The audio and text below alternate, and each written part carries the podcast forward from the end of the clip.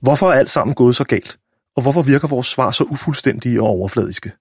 Den amerikanske historiker og Yale-professor Timothy Snyder er en bekymret mand. Siden valget af Trump i november 2016 har han vendt sig bort fra studierne af 40'ernes Østeuropa og Holocaust, og i stedet været dybt optaget af den emotionelt ladede populisme, han ser hos Putin og Trump og i Brexit.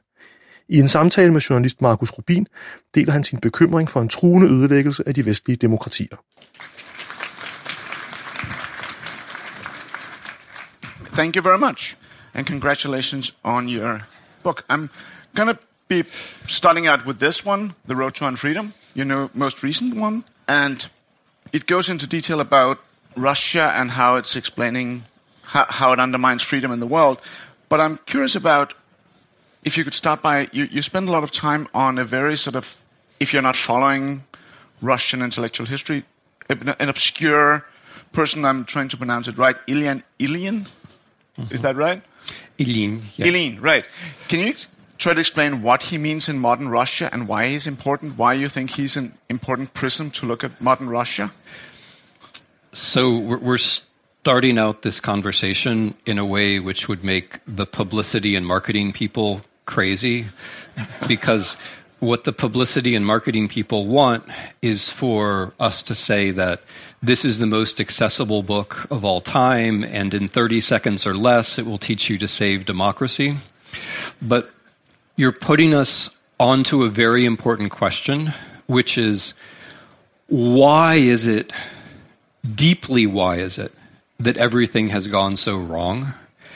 And why do our answers to that question always seem somehow insufficient or partial or superficial. I, I, started out this book by writing about a forgotten Russian philosopher, partly because this forgotten Russian philosopher has been revived and brought back into the Russian mainstream and quoted by the Russian president and reburied and so on and so forth. But more because this forgotten Russian philosopher, Ivan Ilyin, exemplifies the kind of politics that are winning now, which in the book I call the politics of eternity. The sense that the future has gone away, that government is no longer about policy, but about discourse, this feeling that we have that we're constantly being bombarded with emotion and psychology and internet, and we're stuck in this moment which doesn't seem to change, that the future doesn't seem to be coming anymore. And instead, politics is about this constant resuscitation of fears, sexual fears, fears of the other, that politics is being returned to this kind of meaningless sense of us and them, and that policy has gone away. The reason why I talk about Ivan Ilyin is because ideas matter and we've forgotten that they matter. We spent 25 years telling ourselves that history was over, that there were no alternatives. But history is never over. Life is full of alternatives. And by telling ourselves these lies, we made our democracy vulnerable to the alternatives that are real. So Ilyin is in the book because I'm trying to describe a specific Russian alternative to what we have but also because I'm trying to make the general point that ideas matter, and especially ideas about time matter. If we let go of history and we let go of the future, then we're also letting go of democracy. Right. But you also, when you set up the, the, the debate between there is no alternative, which I understand to be somewhat of the neoliberal, you have to create the state, the, the competition state, we would call it in Danish, and the the the um, politics of the eternal of the eternal, which is like very victimization. You always feel threatened. Yeah. I get the sense in the book that you think that Russia is doing quite well.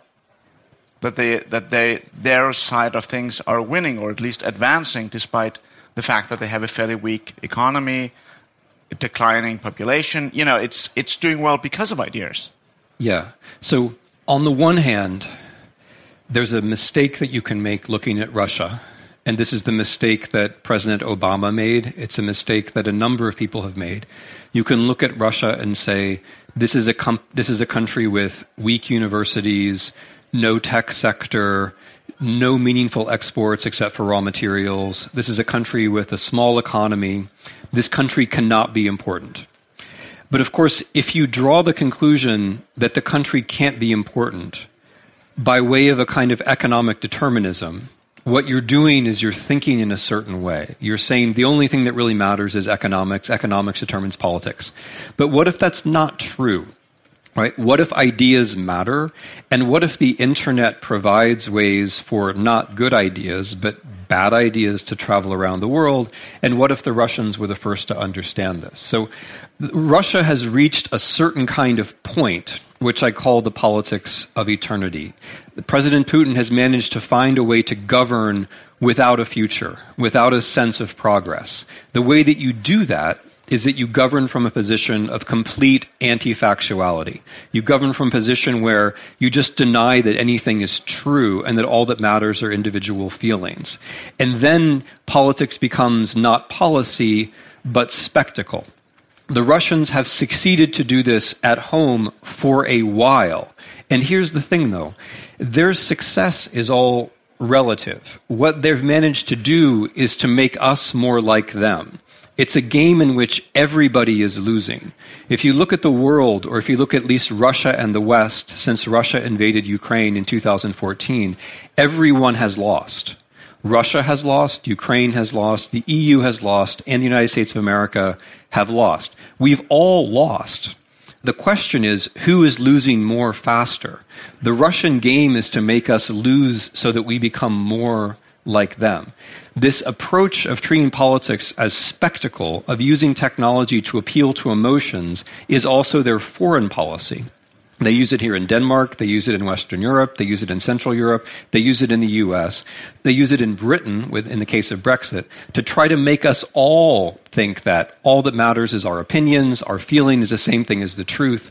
Once we accept those things, then democracy becomes impossible. But I'm not saying that they're winning in any kind of long term way. What they've done is made it look like there's no alternative to their way of doing things. But of course, I'm going to say nothing that is no, we don't know. One day, Mr. Putin is going to die. Right? This is yes. You're shocked. I know. It's like we're all we're all going to be surprised because we're we've been conditioned into thinking that authoritarianism is a soap opera which is never canceled, right? That's the attraction of authoritarianism. Authoritarianism is a soap opera which is never canceled. But one day the lead character actually dies, and then something is going to happen, right? Right. When you when you talk about soap opera, I also am also reminded somewhat of American politics these days. Indeed. And and in your book, you you you you make the point that Trump is very likely compromised by Russia. I'm wondering if if the Mueller report, which has come out since we don't know the exact content of the Mueller report, we know the the four page summary, um, if that has changed your view on on Trump or the degree of Russian interference. No. So, th- look, it is up to us as citizens to figure out what is happening in our own political life, right? That may seem like a radical claim, but it's one I very much believe in. In the case of Russia and Mr. Trump, the reason why I wrote about Russia and Mr. Trump three years ago, I think I was the first person to write about, is because of what I noticed from Russia. I noticed that the chairman of the Russian of the Foreign Relations Committee of the Russian Parliament spoke of Mr. Trump as a politician who could drive the Western locomotives off the rails. I looked a little bit more and I noticed that major Russian internet and media figures had been backing Mr. Trump as early as 2012, long before anybody in America was thinking about him as a candidate. I realized then that this whole strange obsession that Mr. Trump had with Mr. Obama, this idea that Obama was not born in the US, was actually a Russian story, which had appeared before Mr. Trump started talking about it. And then I realized that for about 10 years, Mr. Trump's entire economic existence seems to have depended upon very mysterious and usually anonymous Russian investments. This story goes on and on and on. I would be using all of our time. In fact, if you're on Twitter, which if you're not, good for you and don't start. But if you're on Twitter this weekend, I've, I've, I'm sending out 50 tweets of 50 examples, 50 different examples of Mr. Trump's dependence upon Russia and Russians. So absolutely not. The, Mr. Trump would not be president of the United States without Russian interference in our elections. The fact that he might not have been a full partner is not encouraging. If you're an American, you think nothing happens unless we do it right? That's what we think because we have this amazing, overwhelming, annoying nationalism. But sometimes things happen that we don't do right? And if you read the American op ed pages, you'll never see this, right? In the American op ed pages, if Mr. Trump was not an equal partner with Mr. Putin, then it didn't happen. Of course, he's not an equal partner. He's not a real oligarch. He doesn't actually have any money. He was a subordinate in the entire thing. He was aware of his subordinate role, and he now behaves like a subordinate. Look at, the, look at his body language when he's in the same room with Mr. Putin. Look at the things he says to Mr. Putin. Mr. Trump wants to be an oligarch. That is his dream. And that, of course, is the humiliating thing if you're an American. You would like to have an American president who is proud to be president of the United States of America, as opposed to an American president who wants to be a second rate Russian oligarch. So, no, the fact that Mr. Trump is not a fully equal partner in this relationship does not change the situation at all. And apropos the Mueller report, we haven't read it. It hasn't been released we have a four page not summary. We have a four page spin by an attorney general who was appointed precisely for the purpose of spinning us when the Mueller report came out. So I'm happy to talk about the Mueller report and what the Mueller report says with respect to my book at the moment when we can actually read the Mueller report. It is part of the weird politics of our current unreality that we always talk about these things that haven't actually happened. The Mueller report has not been released, right? We do the same thing with Brexit. We talk about Brexit as if it has happened. Brexit hasn't happened yet, right? If it happened, we would have known because the four riders of the apocalypse would be galloping across Europe. And when you mention Brexit, um, I'm curious about because that's the other, to my mind, big example of the collapse of Anglo-Saxon politics. There's the election of Trump and there's Brexit. When you look at, at the nothing is happening in Brexit, that's that's partly true. But when it, I still find myself reading about it all all the time because it's an open collapse of British democracy. Is there anything hopeful that could come out of it in your view? Is there anything that might change in this very gridlocked situation that seems to be, you know, demolishing one of the oldest parliaments in the world. Since you since you start with these big ideas of parliament and democracy, I, want to start my answer by saying something about the overall structure of European politics because I think there's a basic mistake that people make in this country too. Um, in fact, all across Europe about the relationship between the state and the European Union in general, what people say in Europe, whether they like the European Union or not, is that there's a choice between the nation state and Europe. This is very unclear to me. The, the, the, the, the career of the nation state in Europe is not the central part of your history. I understand that there are some places like Denmark that might think that you were nation states, but for the most part, the history of Europe is a history of two things it's a history of empire and it's a history of integration. The reason why European societies are prosperous and pluralist and, for the most part, democratic, even though you fought two world wars and lost your world empires, is because of Europe. Europe is the soft landing after empire. Europe has nothing to do with nation states because, for the most part, you haven't had nation states. It's not really a big part of your history. It's a big part of your education, unfortunately, but it's not a big part of your history. And this is very important with Brexit, right? In the whole Brexit debate, everyone acts as though there is a Great Britain which somehow exists underneath the European Union. But there is no such thing. There was a British Empire, and as the British Empire fell apart at the same time as it was falling apart, Great Britain joined the European integration process and was bound into it. There is literally no second, there is no moment when Great Britain existed as a nation state. It has simply never happened. And so when people argue for Brexit, they're not arguing for a return to something because that something never actually existed. So when we see how the British Parliament isn't working now, why should we be surprised? The British Parliament has never worked as the Parliament of a nation state. It was the Parliament of an empire, right? And then it was the Parliament of one of the members of an integration process. The way that it's working now is a foreshadowing of what it will look like forever if Britain ever leaves the European Union. Um, there's not going to be a nice end to this. So you asked me if I see anything good coming out of this.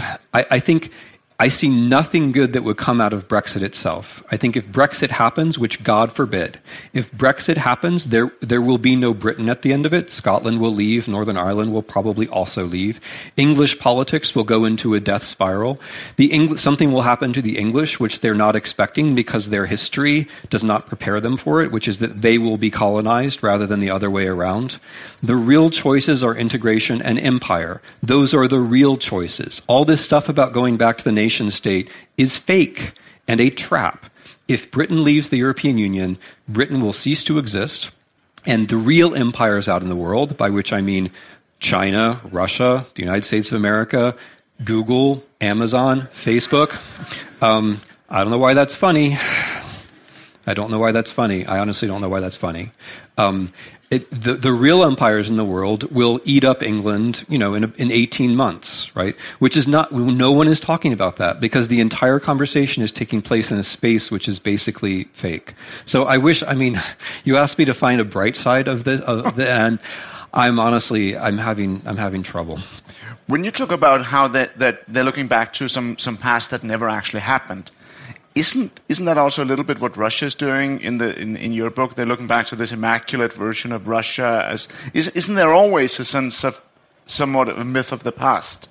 Isn't that part of all kinds of politics? Yeah, and I mean this is one of the reasons why I love history so much, and one no, and one of the reasons why I'm so glad to see an enterprise like this one, because we need we need history rather than myth. Hist- it, it, myth is always the same everybody's national myth says that we were the good guys. And like try give me a give me a counterexample right? I mean the germans the germans look at first glance like a counterexample but basically at the end they turn out to be the good guys anyway. Um, in disguise. yeah well because they're the they're the good guys because they're the only ones who can tell you that they weren't the good guys. So like dialectically they turn out to be the good guys. In everybody's national myth you're the good guys and the other guys are the bad guys and you're innocent and the other people are not innocent. You, you, have a pure history, everything else is impure. There are no exceptions to this, unfortunately. No one ever says the other people were really the victims, right? That just never happens. Um, it just doesn't happen. But with history, history is different, right? Myth is national and myth is partial myth only has one perspective, right? And myth always comes around to the same conclusions that there was a time when all, everything was pure and we were good, and then the other people came with their perversions and so on. It's always the same, and it's unbelievably boring, right? It's only interesting if you're inside it and it's making you feel good and innocent and so on. But in general, it's totally boring.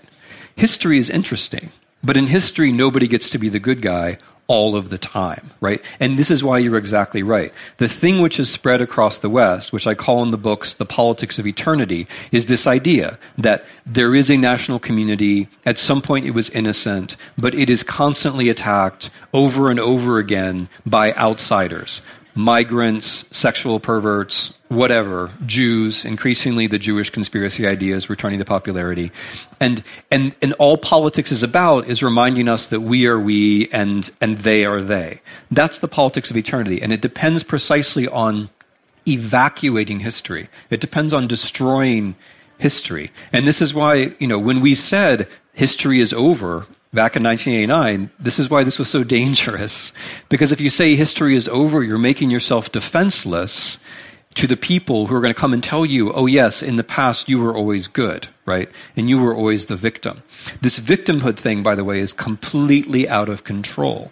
Everybody gets to be a victim. I'm not saying that some people don't actually suffer. There are people who suffer, and there are people who suffer more than other people. So, for example, in my society, African Americans do suffer more than other people, right? Just to give an example of a really existing situation in the real world. But the cult of victimhood, is completely separated from experience. History can help us keep them together. But in politics, who are the big vic- like the biggest victim in the world is Donald Trump, right? Because he complains the most. He's the president of the United States, but all he does basically is whine, um, which like is a whole different subject of how masculinity became about whining all of the time, right? Why, like why that has now become the paradigm of masculinity is if to be masculine means to have power and whine about it all the time. Like when exactly did that happen and what does it mean? But Mr. Trump always complains about being the victim. So does Mr. Putin. Um, so does the Chinese Communist Party. So does Facebook, right? What has happened so that the people who actually have the power get away with complaining all the time about how they're the victims? So, so what should we do apart from reading your book and be aware of these things that threaten us and the whining and the victimhood and the, the myths that, that threaten our democracy? What, what, what can, what, what, in your view, I mean, what, what can you do to, to move forward? There's a whole lot. I mean, this the, the point of this book is to is to affirm history as a way of understanding events around us. I'm trying to say in this book that these confusing things like Trump or Brexit or Putin invading Ukraine, all of these things which seem surprising and which no one predicted or which all the right thinking people assured you couldn't happen, that these things actually do make a kind of sense. That there's no reason for us to say, oh, the world is so surprising, let's give up, right? That's what the politics of eternity wants from you. It wants you to say, oh, I'm surprised, I'm shocked, I don't know what to do, this has never happened before, I'm going to give up. Whereas history says, this exact thing has never happened before, but similar things have happened, and we can figure it out, and we can get together, and we can actually make a difference. So, I mean, history first of all. Going back to your question about Anglo Saxons, um, there's it's not it's not a surprise that the weirdest stuff comes out of Russia because Russia is the place which has the greatest inequality of wealth. After the Russians come us, which is why the second weirdest stuff comes out of the United States of America. After us comes the British, which is why the third weirdest stuff comes out of Britain, right? I don't mean to be quite that, you know, the economic determinist that that suggests, but there is a relationship between growing inequality of wealth and income and people's sense that they are stuck and need some kind of radical, you know, maybe even irrational solution to their problems. So taking care of the welfare state and looking after equality of opportunity is something which policy can definitely do. Factuality treating facts as a public good, like the energy grid or like clean water because facts are a public good and they don't create themselves automatically. You have to have public media and subsidized journalism and you have to honor and respect reporters because we, if you don't do that, if you rely on the free play of market forces to bring you the truth, you are done for, right? Because despite the whole idiotic tradition uh, going through John Stuart Mill about like how if we just have a free debate, the truth will always emerge, that is not true. The truth cannot emerge from free debate unless there are facts that you can use in that free debate. And there are not facts unless you have a determined policy to produce facts, which we need. And then the final thing is watching out for the internet. Not to put too fine a point on it, okay, to put too fine a point on it, the internet has made us stupid. We are all stupider than we were 10 years ago. And this is mainly a result of the internet. And if you haven't noticed this, it is because you were stupider than you were 10 years ago. the you from 10 years ago looking at you now would say, boy, you're dumb.